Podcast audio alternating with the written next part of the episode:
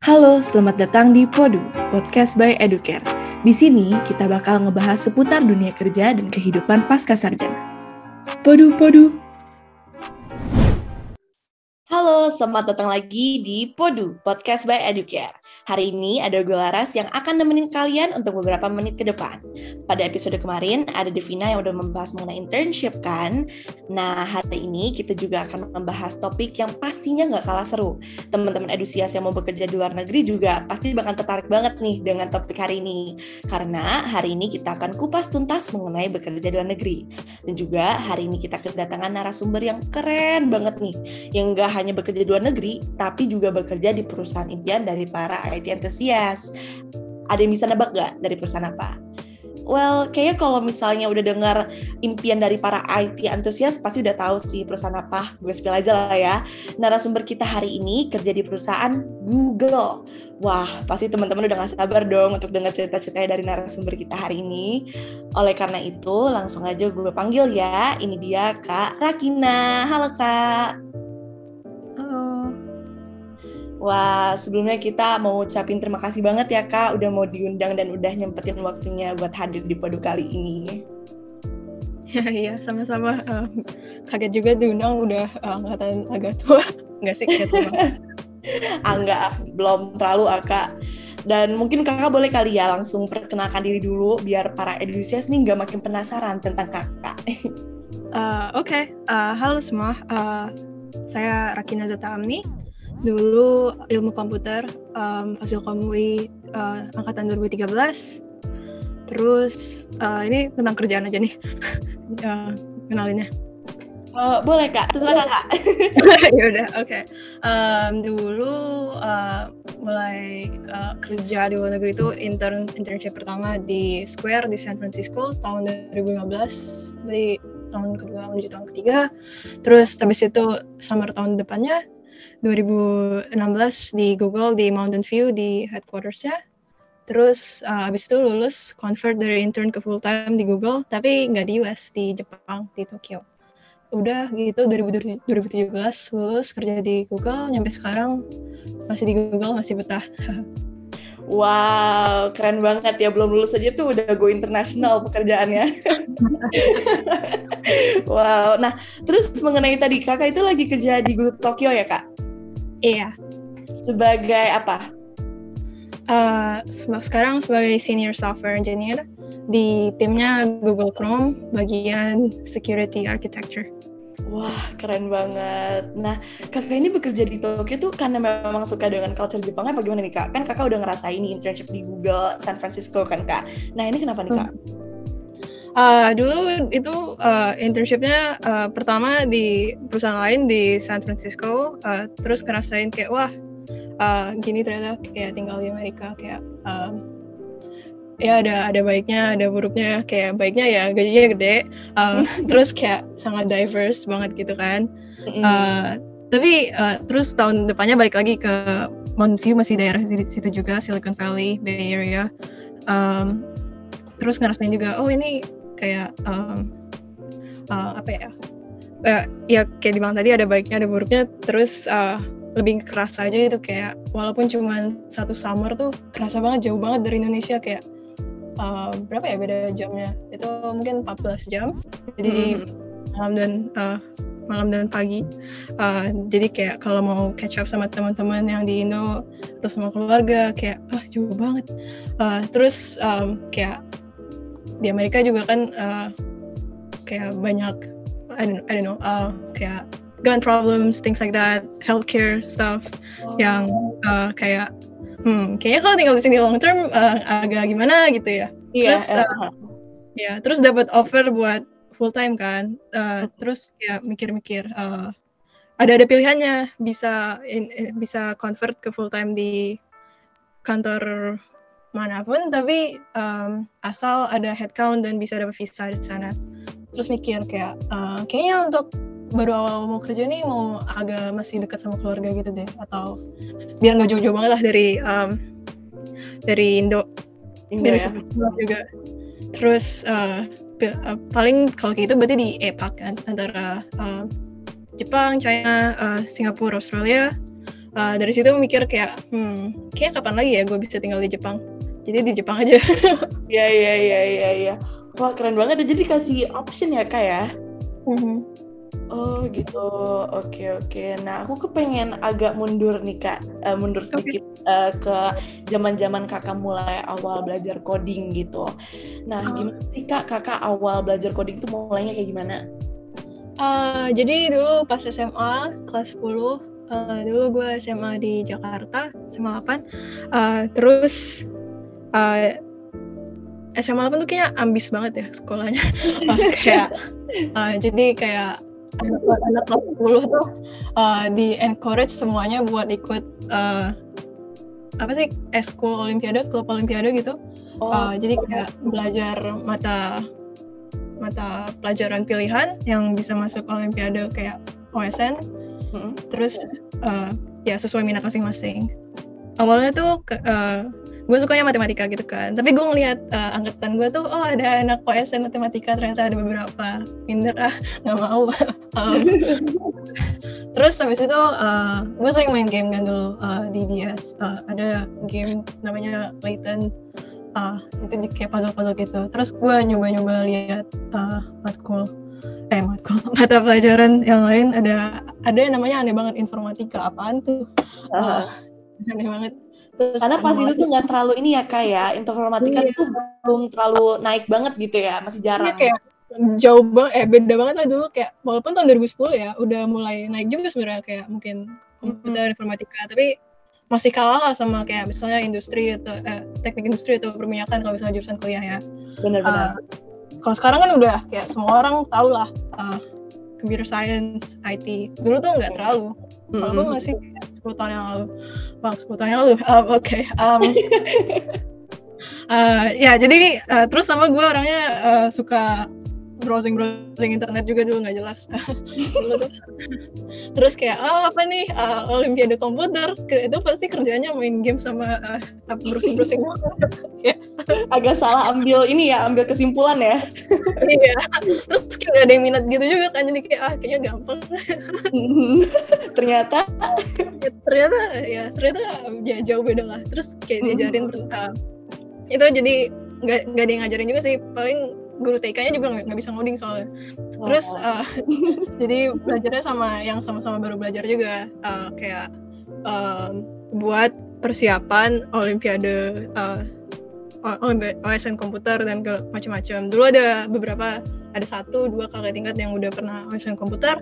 Terus kayak oh kayak gitu.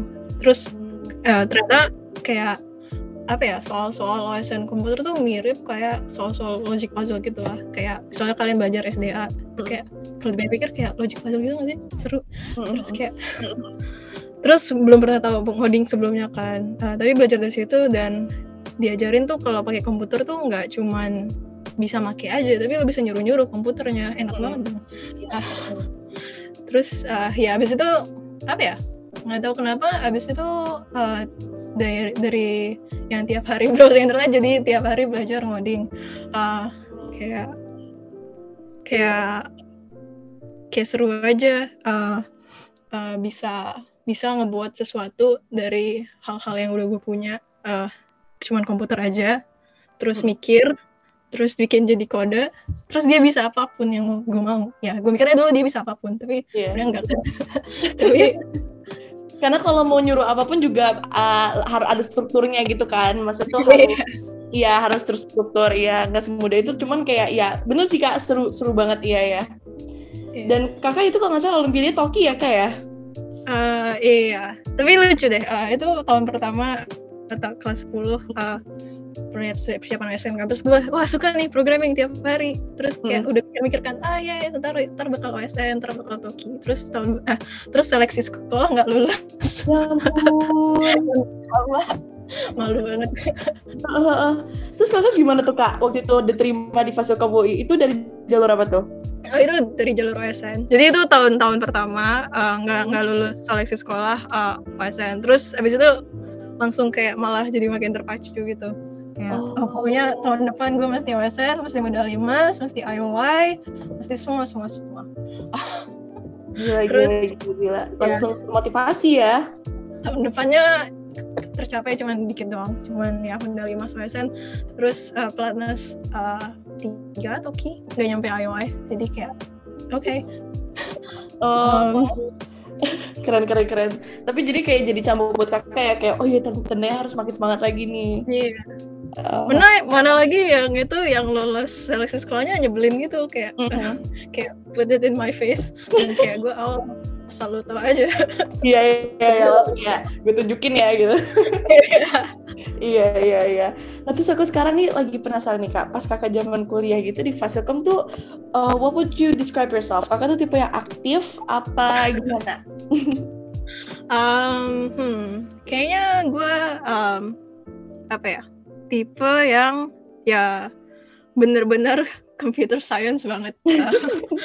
Maksudnya kayak Eh, nggak uh, terlalu tertarik ikut kayak misalnya kepanitiaan gitu-gitu yang nggak sesuai nggak nggak menambah ilmu gue atau gimana. Ngomongnya kayak gimana gitu ya. Tapi maksudnya kayak ya gue kalau ngikutin sesuatu pasti karena itu uh, sejalan dengan hobi gue yaitu computer science jadi oh. misalnya gue ikut kepanitiaan Confess itu ikutnya PTI masih ada nggak sih sekarang Confess PTI eh bukan oh. dulu BEM PTI PPD uh, itu kayak bikin web-web gitu buat BEM. Terus um, okay. IT Dev kali ya? Confess IT Dev ya, Confess IT Dev. Mm-hmm. bikin websitenya segala macam. Terus uh, Restack juga ikut, dulu ikut wow. NetSauce, sekarang masih ada nggak ya? Network Security Operating System. Hmm, kayak ada deh kak. Iya. Yeah. Um.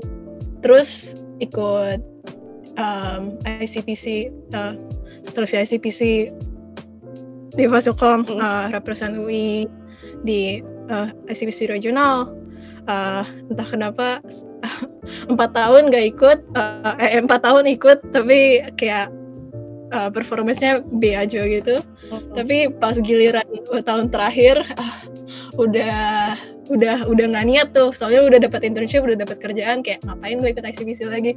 Uh, tapi itu udah yolo banget. Timnya aja bahkan namanya Aurakin uh, and uh, kayak uh, terus tahun terakhir eh um, itu setim sama Zamil uh, Fasilkom 2014 sama Ayas 2015 uh, gue nggak salah aja mereka yang kerja. Terus tiba-tiba lolos uh, terus kayak aduh gue mesti belajar lagi buat uh, ICBC World Finals. Um, ya jadi intinya ya dulu gue sangat computer science mikirnya mau ya gue kuliah di Fasilkom untuk computer science. Uh, kalau uh, kalau belajar uh, kalau mau ngapa-ngapain ya harus sejalan sama itu. Walaupun mestinya mungkin di lebih apa ya apa ya nyobain hal-hal lain juga mestinya uh, diseimbangin mm. jadi tidak tidak terlalu recommended untuk yang terlalu kan berarti kakak tuh anaknya tuh anak fasilkom banget ya kak? Bener-bener suka banget sama komputer. Jadi pas kakak aktif pun di kuliah kakak tuh ikutan tuh ya IT dev, itu keren banget sih kak jujur. Berarti bener-bener uh, jiwanya tuh jiwa fasilkom banget keren keren keren keren. Nah berarti kakak dari SMA juga udah aktif olimpiade terus kakak juga aktif banget uh, pas kuliah tuh lomba-lomba dan eh sorry uh, kakak ikutan juga yang IT dev kayak Ristek uh, dan organisasi-organisasi itu keren banget sih kak jadi udah terlatih dan udah diasah terus ya soalnya bisanya cuma itu doang ah, nah terus uh, kalau dari pengalaman-pengalaman kakak nih, kakak kan udah pernah di Confess, pernah di Ristek, ICPC dan juga dari uh, internship-internship kakak. Apa aja nih kak pengalaman yang menurut kakak tuh paling signifikan sehingga kakak tuh bisa kerja di Google?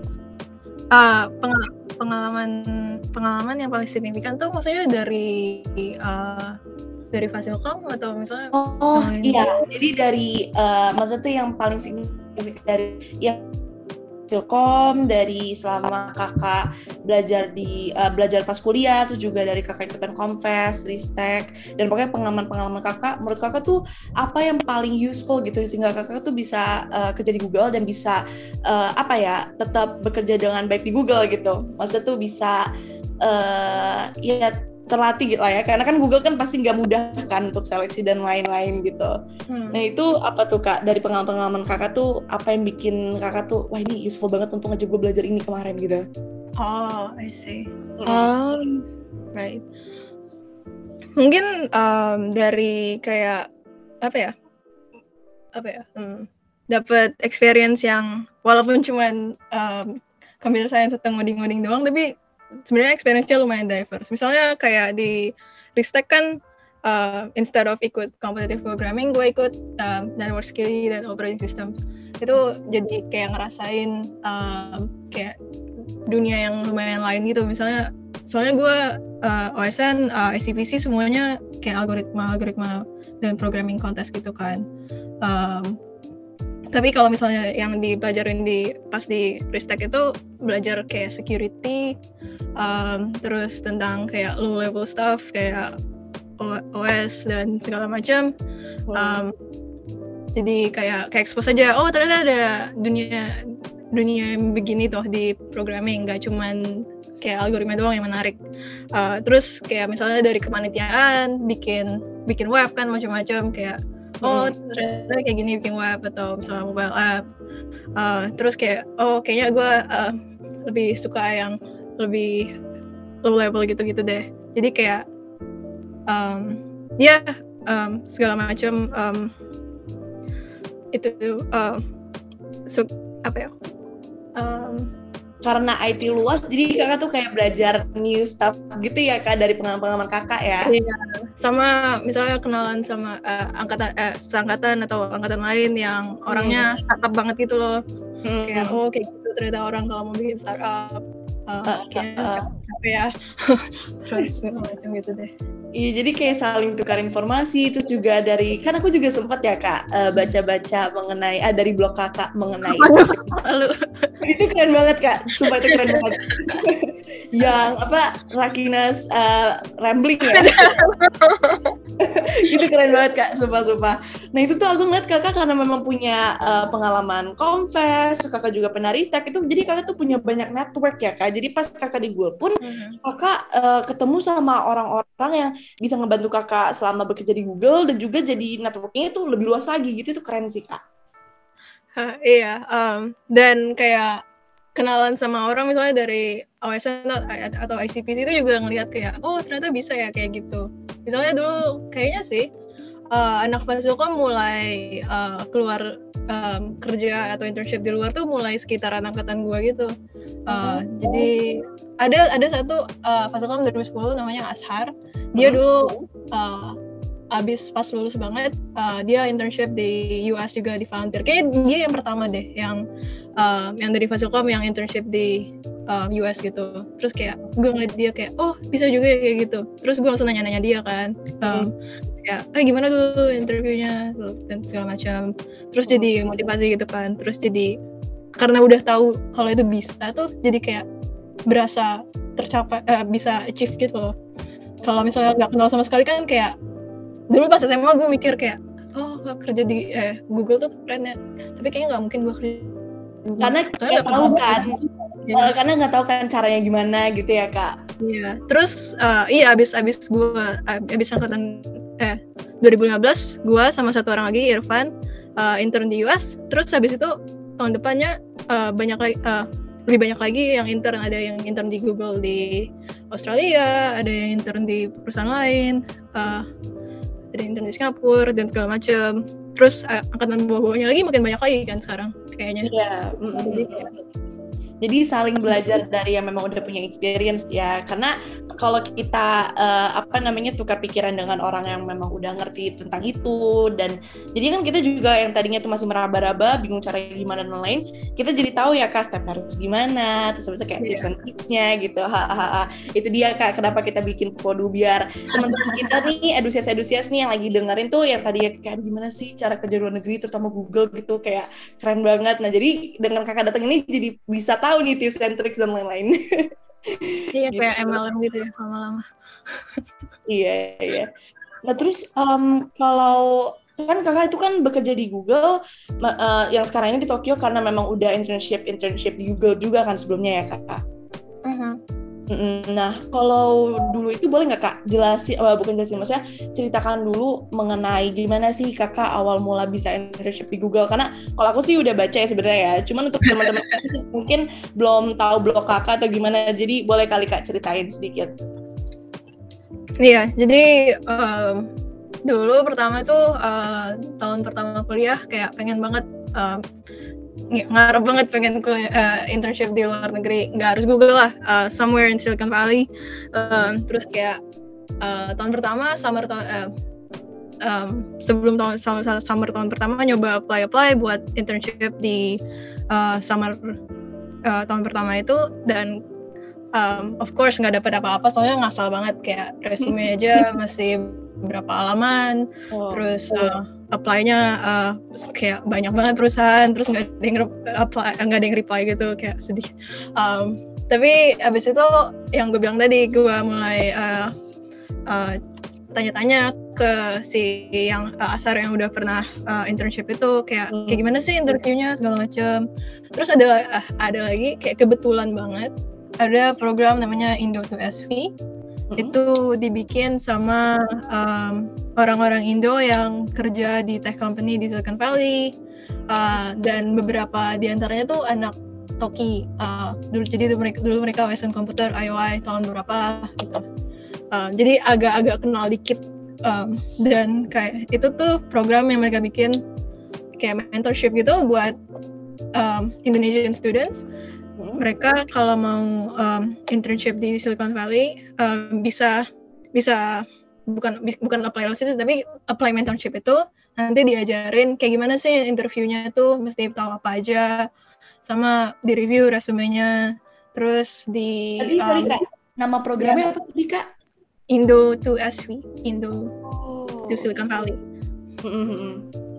Itu yang bikin uh, yang ngegagas kayaknya uh, salah satu idola gue uh, mm-hmm. kak Angelina Fanny uh, mungkin mungkin oh, nggak ada yang tahu uh, um, namanya karena udah agak jauh angkatannya uh, tapi dulu dia Toki 2009 uh, kuliahnya di Stanford terus uh, wow. um, dia salah satu engineer yang lumayan uh, awal di Quora dulu sekarang di Asana I think uh, tapi dia tuh kayak dari pertama gue mau OSN komputer tuh dia tuh role model gue soalnya dia kayak cewek uh, terus jago banget ngoding uh, ikut OSN komputer IOI um, computer science di Stanford. Terus kayak keren deh pokoknya. Keren banget uh, tapi itu alasan kenapa kakak jadi software engineer juga nggak? Bukan uh, maksudnya kan uh, kakak ini tadi kan ikutan bagian software engineer. Nah kakak itu terinspirasi dari kakaknya itu atau gimana? Ya ya ya mirip sih mungkin. Uh, tapi ya eh, dari dari awal emang kayak kerasa kayak, kayak apa ya kerasa pengen ngoding aja gitu. Terus kayak oh kerjaan apa ya software engineer kayaknya. Terus mm-hmm. yang ngelihat ngelihat ngelihat si role model ini dia jadi ngerasa bisa juga kan. Uh, mm-hmm. terus ya dia bikin Indo 2 SV itu uh, pas banget di tahun 2014 pas gue um, semester 3 dan pas banget gue apply ke program itu dan diterima dan mentornya adalah dia.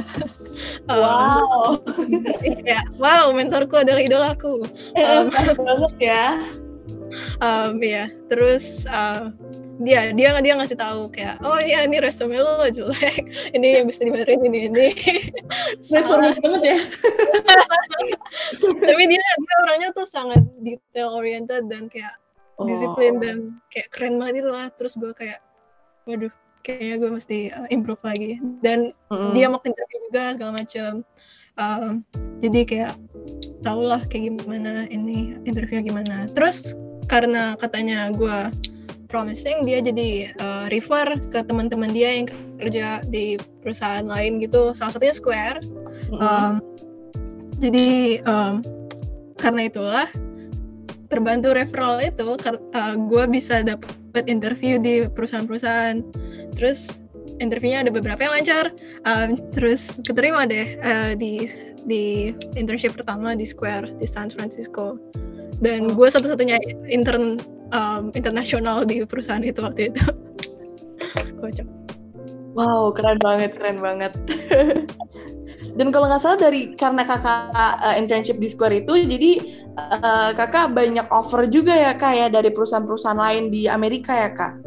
Nah iya, uh, jadi karena udah kayak nggak udah udah agak proven gitu, tahun berikutnya pas mau daftar internship buat tahun ketiga menuju tahun keempat, uh, jauh lebih gampang. Apalagi gue waktu itu uh, udah emang masih di San Francisco kan.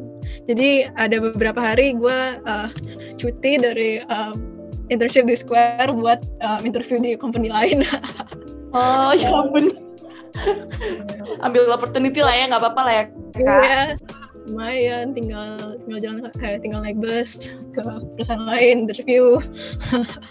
Uh, ya ampun, tapi tapi abis banget ya, ada itu, iya. Hmm. Jadi jadi jauh lebih gampang. Jadi soalnya udah jauh lebih kredibel kan. Jadi sebenarnya yang paling susah tuh buat yang kuliah di Indonesia atau gimana gitu hmm. yang bukan di US. Itu sebenarnya getting your foot in the door kan. Uh, karena sebenarnya hmm. menurut gue ya skill anak-anak Fasilkom sama anak-anak universitas lain yang gue lihat pas internship di Square atau di Google tuh nggak jauh beda kayaknya. Cuman mereka hoki aja tinggalnya di US. Uh.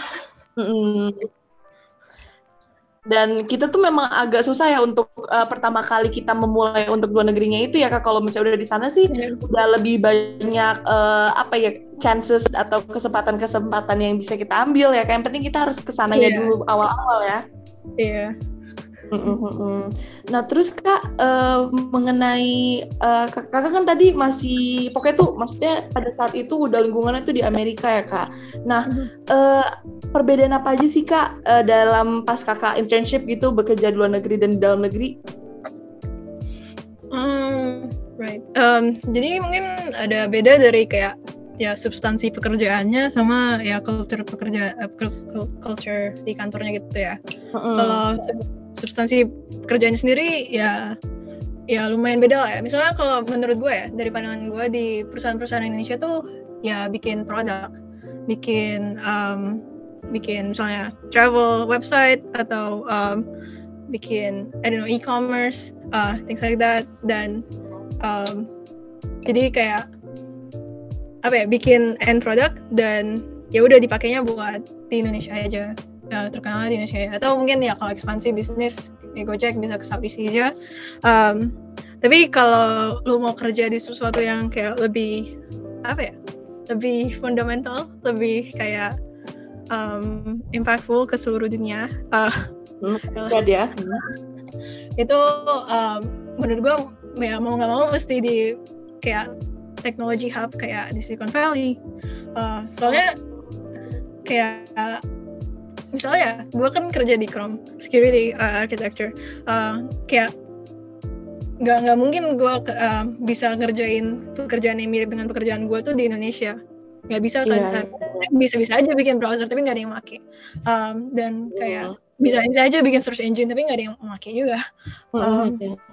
jadi kayak hal-hal uh, yang cuman bisa lu kerjain kalau kerja di ya big tech company atau tech hub um, itu um, menarik banget lah menurut gue soalnya kayak bahkan sebagai intern aja bisa um, impact banyak orang dengan uh, hal uh, codingan gue uh, kayak ya bagian produk ini um, bakal dipakai banyak banget sama, sama banyak orang dan jadi kayak rasanya beda gitu loh kayak lo merasa punya lebih banyak responsibility dan mm-hmm. merasa kayak pengen lebih ambisius aja gitu gak sih uh, iya, soalnya iya. kayak karena yeah. environmentnya juga ya kak ya. Apalagi kan kalau Google kan memang udah sangat impactful dan uh, apa namanya memang dipakai internasional. Jadi kalau misalnya kakak udah bekerja di sana dengan banyak apa ya banyak opportunity dan juga banyak uh, fasilitas yang bika, bika, bisa bikin kakak tuh uh, memberi impact di uh, di kayak misalnya Chrome gitu ya.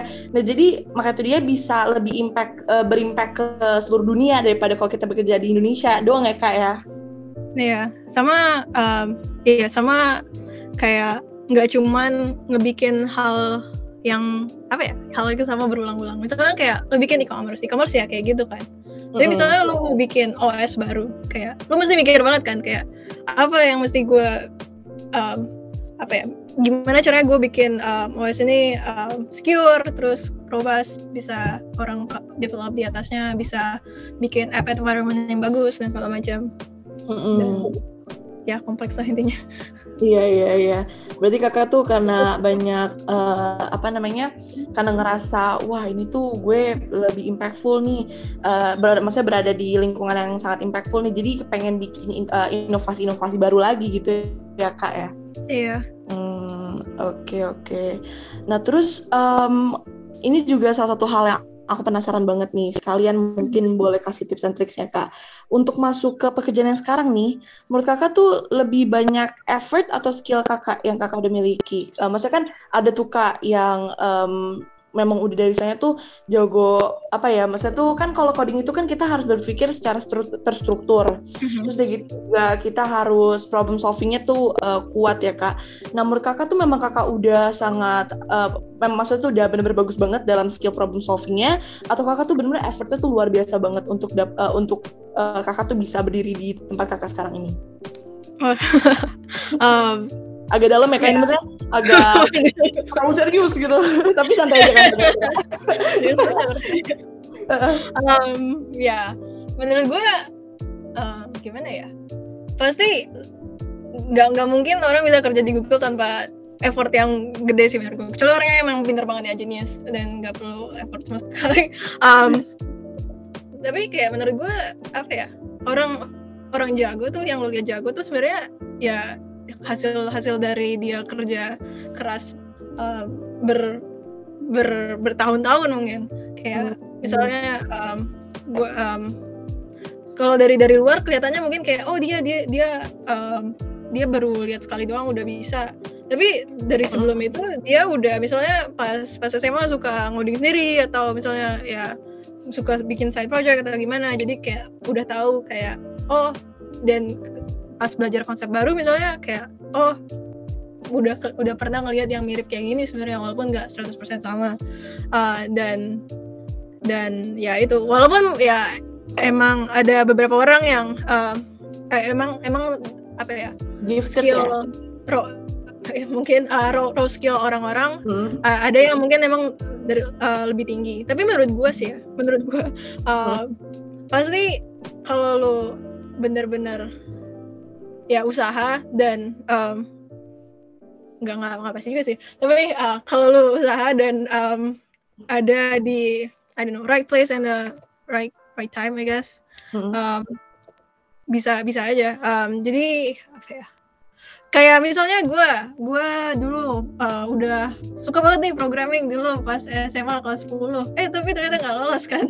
Uh, karena karena ya effort gue belum sebanyak itu ternyata. Tapi oh. setelah dicoba lagi uh, setahun belajar lagi akhirnya bisa uh, lolos seleksi sekolah lolos OSN dan gue jadi ngerasa banget kayak oh iya mau mau um, kalau kalau mau sesuatu tuh harus mesti effort banget kayak misalnya gue mungkin kedengarannya kayak ceritanya wah um, smooth banget nih um, kayak tiba-tiba uh, dapat internship atau gimana tapi ya itu pas gue internship sama Kak Feni itu kayak tiap hari gue bacanya tentang in coding interview, coding interview, coding interview. Oh. Uh, ya tiap hari um, gue uh, juga kayak nyoba latihan belajar uh, ngomong bahasa Inggris biar biar nggak nggak nggak stres banget. Terus kayak nyobain oh, oh kayaknya gue mesti bikin kayak cheat sheet perkenalan biar gue nggak anxious banget kalau ditanyain gitu. Padahal cuma perkenalan uh, doang kan.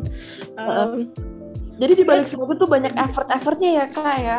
Iya yang yang yang nggak kelihatan sama orang sama sekali kan. Uh, uh. wow iya iya iya. Terus jadi kakak tuh sebenarnya banyak preparation. Karena memang gini orang-orang tuh banyak loh kak yang berpikir oh dia memang pintar pakai tuh dia bisa sampai Google banyak yang kayak gitu kak soalnya. Dan ternyata di balik semua itu tuh sebenarnya banyak effort yang nggak kelihatan. Cuman ya that's the thing. Di waktu luang kakak kakak uh, searching searching terus kakak juga baca-baca mengenai cara interview dengan baik gitu. Itu keren sih kak. Iya, jadi ya tergantung hmm. how you spend your time prioritas lu gimana pas gue internship juga gue nggak lihat-lihat doang terus dapat offer gue tiap hari kerja um, kayak um, um, apa ya kerja pokoknya nyampe mesti tas ini selesai terus minta tas lain biar kayak mereka kayak impress atau gimana gitu. Terus, mm-hmm. tapi ya um, jangan uh, 996 juga, uh, jangan jangan terlalu um, uh-uh. tapi ya gue tuh pas uh, pas internship tuh bener-bener 100% fokus gue tuh buat internship itu doang. Oh. Ngebantu juga sih soalnya gue intern di US nggak kenal siapa-siapa, cuman kayak kenalan orang Indonesia dikit-dikit jadi nggak terlalu ada kerjaan juga selain selain internship itu. Uh, dan karena mungkin ngerasa oh uh, apa namanya sesama orang Indonesia ada rasa kekeluargaan lah ya, apalagi di luar negeri uh, yeah. lagi trying to survive orang-orang uh, luar di mana kita tuh kayak ada minoritas gitu gitu kan. Iya. Yeah. Iya iya iya. Nah, terus Kak, uh, sekarang kan lagi trending banget nih Kak di Twitter mengenai privilege. Menurut Kakak, apa sih privilege? ya kan ada oh, iya, iya. kayak yang apa namanya lagi trending sekarang mengenai privileges gitu.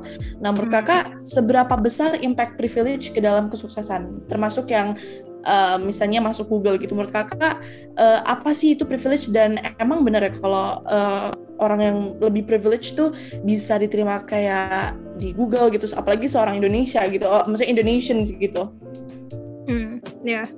uh, menurut gue privilege tuh sangat ngebantu banget sih um, hmm. misalnya kayak gue bilang kan uh, kayak salah satu hal yang paling susah buat um, uh, mahasiswa Indonesia tuh buat dapat internship luar negeri tuh ya getting your foot at the door uh, hmm. karena um, gue lihat juga ya ada beberapa juga orang Indonesia yang gue kenal mereka kuliah di luar negeri misalnya di Singapura atau di US kayaknya mereka jauh lebih gampang dapat uh, apa ya bukan bukan dapat kerjanya tapi kayak ngelewatin filter itu terus uh, mereka dari reputable university. Jadi misalnya emang udah dari dulu sekolahnya di sekolah bagus terus mm -hmm. bisa dapat uh, dapat kuliah di luar negeri orang orang tuanya bisa afford itu.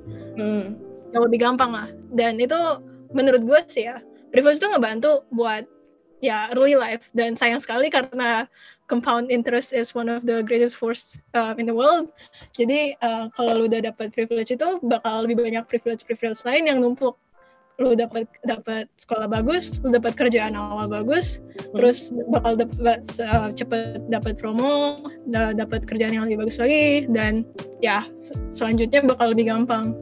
Dan hmm. kalau kalau yang nggak privilege ya mesti ditambahin effortnya um, biar bisa itu uh, biar bisa di equal footing atau ya bisa catch up eventually. Tapi um, menurut gue sih ya um, kalau udah misalnya udah lulus kuliah dan segala macam um, ujung-ujungnya kalau in the long term bisa catch bisa mungkin catch up. Mungkin ada beberapa yang ya super profesional dia inherit um, berapa uh, perusahaan dari orang tuanya ya. Mungkin nggak bakal pernah catch up sama itu. Tapi selain itu kayak yang yang hal-hal biasa misalnya dapat kerjaan di luar negeri bisa-bisa aja sih. Tapi ya definitely it's very different for some ya. Iya iya iya.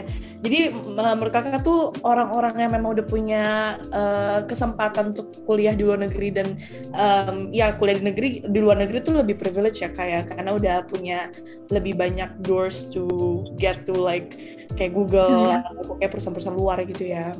Iya, effortnya nggak terlalu nggak nggak harus sebanyak yang ya Mas yang nggak apa aja tuh. Iya, mm iya, iya. Tapi kalau menurut kakak sebagai mahasiswa UI itu itu termasuk privilege juga nggak kak? Karena kan um, ya UI kan salah satu yang top lah ya, eh, salah satu top universities in Indonesia lah ya. Nah tapi menurut kakak ya itu sebuah privilege juga nggak kak? Uh, dulu-dulu gue mikirnya kayak enggak, tapi setelah gue pikir-pikir lagi sekarang iya sih sebenarnya. Kayak setelah gue lihat, oh ya ternyata um, bisa di UI itu uh, lumayan dapat network yang luas dan segala macam. Dan setelah gue lihat lagi um, apa ya dulu tuh gue sebenarnya agak apa ya agak iri banget sama orang-orang yang bisa kuliah di luar negeri. Bisa ada bisa belajar langsung dari profesor-profesor computer science yang bikin buku introduction to algorithm. Um, juga kak. Segala macam. Benar ya kan kayak pelopor kan? Iya mm -hmm. uh, sedangkan um, sedangkan um, uh, uh, misalnya ya nggak nggak nggak sewow itu lah kalau misalnya kuliah, um, kuliah di dalam negeri kan uh, mm. tapi dari itu juga gue ngerasa kayak oh um, sebenarnya ya menurut gue kalau di Indonesia UI udah lumayan yang paling top dan networknya tuh bagus banget tapi um, juga uh, karena kita di di Indonesia kita juga dap dapat network kayak misalnya uh, startup startup di Indonesia dan segala macam yang nggak bisa lu dapetin dengan gampang kan kalau misalnya lu kuliah di luar negeri. Mm. dan segala macam gitulah.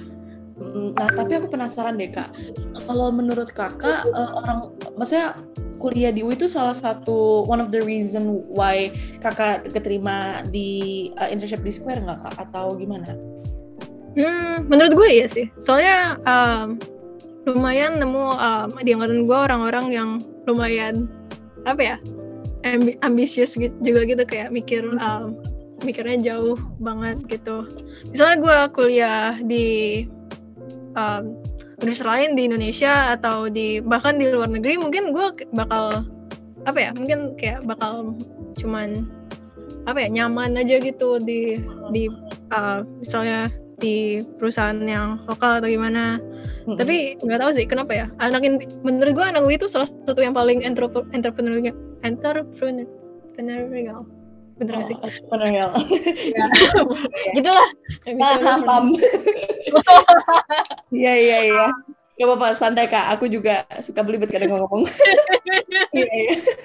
Cuman uh, aku penasaran juga nih kak. Kalau orang luar tuh, nih, sekarang kan kakak udah, maksudnya udah go internasional lah ya, udah uh, pertemanan juga udah internasional lah ya, udah pernah di Amerika, udah pernah di Tokyo. Nah, aku penasaran orang luar tuh ngelihat UI tuh gimana sih kak? Kayak kalau misalnya oh, uh, I graduated from University of Indonesia gitu, orang orang, orang luar tuh pada gimana sih kak? Uh, ya nggak tahu itu apa, cuma oh, tahu oh di Indonesia ya. oh, maksudnya kirain, oh uh, apa ya, maksudnya, oh, oh tahu, maksudnya aku kira tuh kayak, oh mereka tahu gitu, oh banyak tuh orang-orang yang masuk ke perusahaan-perusahaan luar gitu apa gimana, apa gimana kak? Enggak ya? Hmm, kayaknya belum nyampe selevel itu sih ya. Oh, Kayak kita bikin jadi kayak gitu. uh, ayo kita bikin biar banyak tujuh bulan UI langsung pada masuk ke Google, ke Silicon Valley. Amin, amin, amin.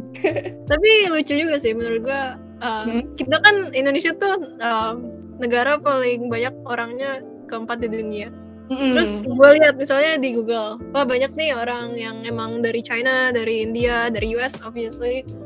Terus kok nggak ada dari Indonesia? Kayak literally cuman kayak di um, di bawah 20 orang mungkin ya dari Indonesia yang engineer kayak uh, jomplang banget. Entah kenapa. Kayak ah oh. orang-orang orang-orang di negara lain tuh suka keluar tapi Indonesia jarang ya? Mungkin terlalu nyaman di Indonesia mungkin ya.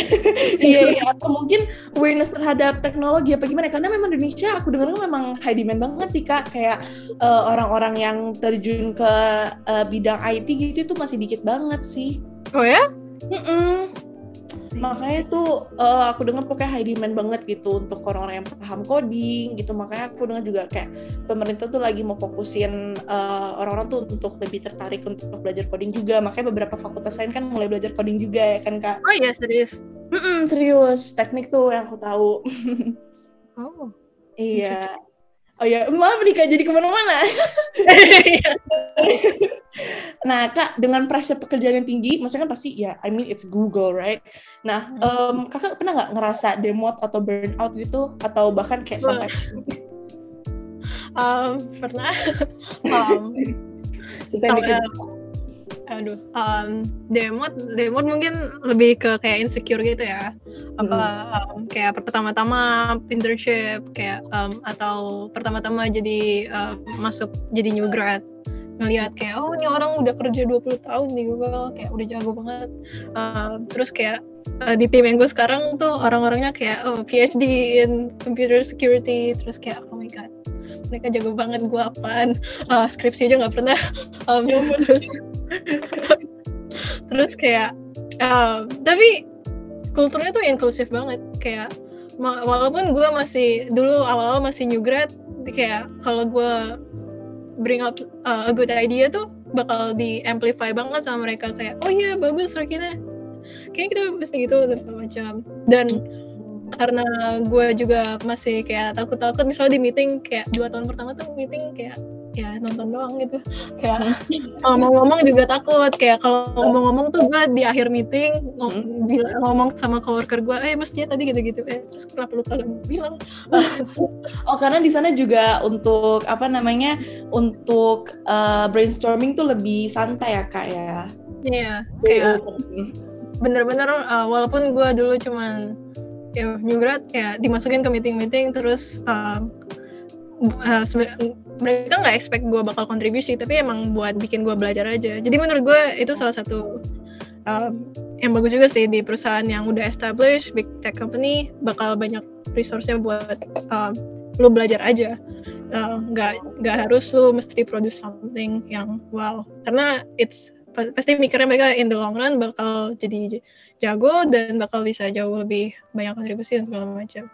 Uh, tapi dulu ya masih demo aja soalnya ya insecure um, sama orang-orang keren kayak gitu kan. Ah, um, tapi ya as, as time goes by jadi kayak ya mulai mulai berani lah terus kayak udah mulai uh, comfortable dan segala macam. Terus akhirnya um, lama-lama ya bagus uh, ya kayak ya lumayan. karena, karena nyaman juga ya jadi mulai bisa ngutang yeah. pendapat dan lain-lain ha. Ya ampun Karakina aja yang udah keren banget masih bisa insecure apalagi aku ya. ya ampun. Iya iya iya iya. Itu fenomena uh, banget bahkan uh, kayak semua orang di Google tuh pasti dibilangnya bakal imposter syndrome bahkan setelah kayak oh. 10 tahun 20 tahun kayak I still feel like I don't belong here. Oh iya iya tapi nggak ada diskriminasi atau gimana kan kamu di sana tuh um, keluarganya cukup bagus juga kan apa gimana? Culture gimana tuh kan? Uh, ya menurut gue inklusif banget kayak um, emang emang work workforce-nya lumayan diverse walaupun ya tetap lebih banyak orang yang US, um, hmm. Caucasian atau Asian, um, terus uh, tapi menurut gue proporsinya jauh lebih baik uh, kayak misalnya cowok banding cewek itu jauh lebih baik dibanding misalnya di Indo di Indo kan masih kayak um, um, itu apa sih uh, masih masih dikit lah cewek jadi software engineer um, macam Uh, terus mereka sangat inklusif banget. Hmm. Kayak um, mungkin ada beberapa uh, yang kayak sebelumnya belum pernah interaksi sama uh, cewek berhijab gitu kan. Jadi kayak hmm. pertama-tama agak nanya-nanya aja ya. Tapi abis itu ya uh, respectful dan um, dan ya yeah, gue nggak yeah. pernah merasa nggak pernah merasa kayak diskriminasi. Kayak misalnya gue kadang-kadang tuh suka kayak tiba-tiba lagi meeting kayak gue ngeliat uh, di apa ya refleksi di kaca oh iya mereka semua kayak um, apa ya white people uh, atau um, sat, um, apa ya satu culture semua gitu. Tapi kok gue nggak nggak merasa excluded gitu ya oh wow. jadi memang benar diverse banget ya. Nggak bikin kakaknya kayak aduh pakai kerudung takut nanti diginiin gitu. Nggak ada rasa kayak gitu ya kak ya? Rasa sekali. Kadang-kadang lupa gue pakai hijab. Karena saking kayak ya udah they treat uh, they treat you as a apa ya ya udah kayak one of them gitu. Jadi kayak ya yeah, there's no reason to discriminate juga. Wah keren sih Iya iya. Nah terus kalau dari pekerjaan kakak sekarang nih, kan kakak udah um, di luar tuh udah lama ya kak. Terus juga kakak tuh berada di tempat yang yang kayak tadi aku bilang gitu, very impactful. Nah um, kira-kira impact apa sih kak yang mau kakak kasih da kepada skop yang lebih besar gitu, misalnya kayak uh, komunitas kakak sendiri atau bahkan Indonesia gitu. Uh, karena kan ya dengan experience kakak mungkin bisa very useful for um, apa namanya skop yang lebih besar kan. Nah menurut kakak apa tuh kak impact apa? Apa? Waduh. um, ya, karena dulu uh, gue tuh um, bener-bener uh, ter merasa terbantu oleh uh, punya role model dan terutama di dimentorin oleh orang-orang yang baik gak cuman si uh, Kaveni yang dulu mentor di eh, mentor buat dapat internship tapi juga kayak orang-orang yang ya apa ya ngebantu di kerjaan dan segala macam dan just being like apa ya um, very um, helpful gitu ke gue um, gue sekarang um, hmm, impact ke orang um, um, gue beberapa tahun terakhir ini suka ikut kayak program mentorship gitu, mentorship gitu sih yang dari Google tahu bangkit gak? Kenapa? Um, bangkit uh, itu salah satu program dari Google mm -hmm. um, yang dulu sih dia um, nge ngebuka mentor mentorship buat um, ma mahasiswa mahasiswi um, nggak harus computer science tapi yang tertarik sama computer science machine learning and everything um, di seluruh Indonesia bakal di pairing sama um, engineer-engineer dari Google atau ada perusahaan lain, Gojek, Traveloka, segala macam mungkin. Hmm. Um, dan gue ikut jadi salah satu mentornya dan dulu dapat um, menti-menti dan gue um, sharing tentang kayak kerjaan gue um, dan ya mirip lah kayak gini. Um, sama uh, ada juga mentorship dari Google buat anak uh, kuliahan yang mau um, mau exploring computer science dan segala macam dan ya jadi kayak ya gue mau membantu orang-orang yang um, ya mungkin mirip sama gue di know 8 tahun yang lalu. Um, kayak um, masih bingung-bingung segala uh, atau pengen nyobain aja kayak computer science itu gimana pengen uh. tahu kayak softwarenya itu gimana. Tapi itu masih lumayan small small scale gitu sih ya. Kayak hmm. pasti one on one gitu kan. Dan buat wider scale-nya ya paling kayak yang nulis blog gue itu walaupun itu udah lama juga um, dan hmm, masih belum kepikiran sih buat selanjutnya kalau oh. kalau ya sebisa mungkin gue um, ikut event event-event tentang uh, Indonesia atau malah Hasilkom yang kayak gini karena hmm. ya why not uh, if it, it can help people find their path hmm. Iya bener-bener bener ya dari small things inilah yang bisa kemudian tuh besar gitu dimulai kakak ikutan dari bangkit sebetulnya juga kakak ikutan podu ini jadi kan uh, apa ya kakak mulai mengenali kepada orang-orang di Indonesia tuh gimana sih cara memulai gitu ya kayak memulai di bagian tech career gitu ya. Mm -hmm. yeah. Aku kayak pernah denger sih kak program bangkit kalau nggak salah uh, disupport sama Kemendikbud juga ya kak ya. Iya, uh, itu kerja sama Kemendikbud, sama Google, sama okay beberapa perusahaan lain kayaknya. Hmm, keren banget, keren, yeah. keren. Oke, nah Kak, uh, selanjutnya kita akan ada mm-hmm. sesi This or That, dan ini adalah salah satu kegiatan di podcast kita yang baru nih Kak, di season 2 dari Podu ini. Oke. uh, uh, di sini aku akan tanya pertanyaan dan aku bakal kasih dua pilihan. Nanti Kakak tinggal jawab lebih milih pilihan pertama atau pilihan kedua. Nah, Kakak udah belum siap, uh, udah siap belum nih? Oke. Okay. Oke, oke. Langsung ya, aku mulai aja ya. Pertanyaan pertama uh, uh, pertanyaan pertama, uh, lebih milih mie ayam atau ramen kak? Oh, ada mie ayam. mie ayam, karena apa tuh homesick? Nah, iyalah, uh, terus uh, ya di Tokyo ada juga yang jualan mie ayam, terus gue belinya mie ayam. Oh, aduh mie apa kak? Di Tokyo ada mie ayam? Lucu deh. Tapi jualannya agak shady gitu sih di Instagram, terus uh, oh. pesannya di Instagram, terus dia kirim lewat paket. Oh, jadi itu kayak dari all shop all shop gitu ya kak? Iya. ya ampun saking doyan mie ayam dan kangen nih sama makanan Indonesia nih pasti. Iya. Iya ya, berarti kakak tuh benar mencintai tanah air ya kak. Walaupun udah jauh-jauh di uh, Jepang, tetap nyari mie ayam. iya iya iya. Terus kakak, uh, nah pertanyaan kedua, kakak lebih milih remote atau in office? Remote. Uh. Apa tuh?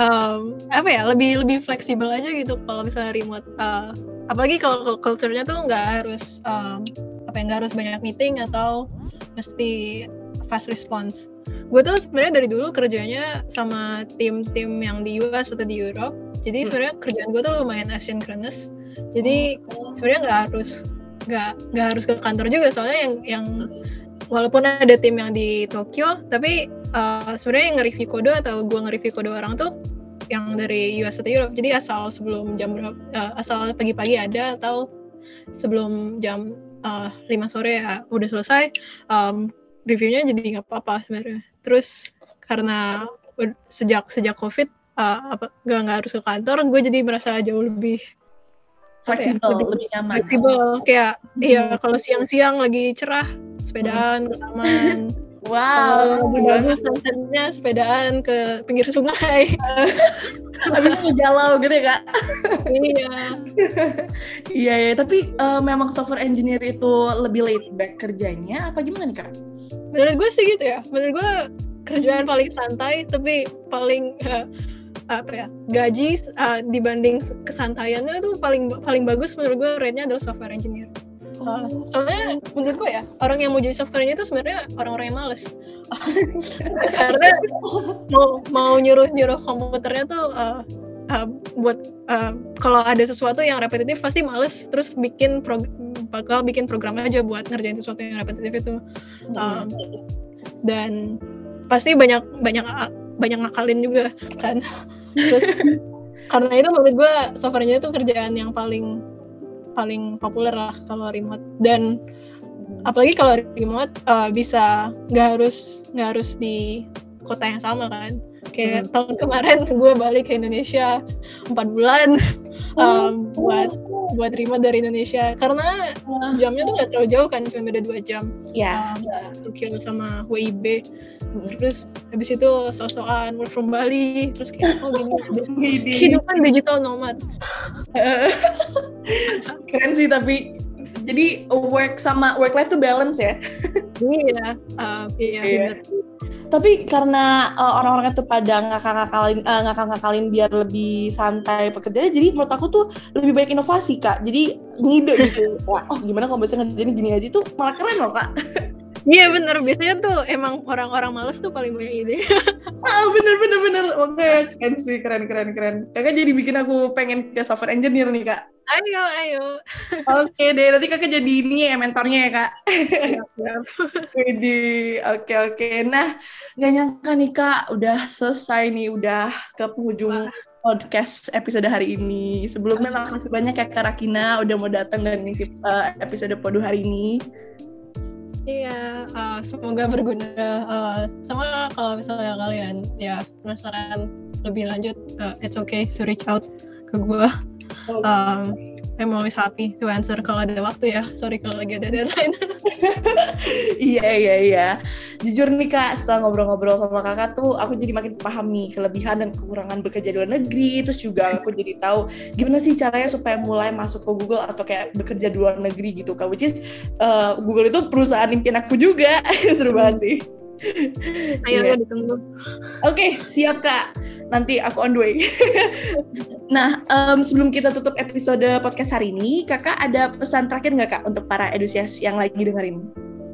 Um, kalau ada sesuatu yang kayak lo pengen achieve tapi menurut lo impossible tuh kayak jangan jangan berhenti di situ aja kayak ya cobain aja siapa tahu uh, dapet kan kalau nggak dapet juga ya at least lo bakal uh, improve skill lo dan jadi lebih luas aja wawasan lo. Hmm, jadi nggak ada yang sia-sia ya kak ya? Ada. Ya wah keren banget. Noted kak. Oke deh terima kasih banyak ya kak atas waktunya sekali lagi. Iya sama-sama.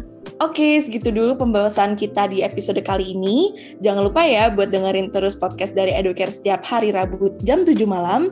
Terima kasih juga atas Eko Mindo dan GDP Labs yang telah mewujudkan acara Educare.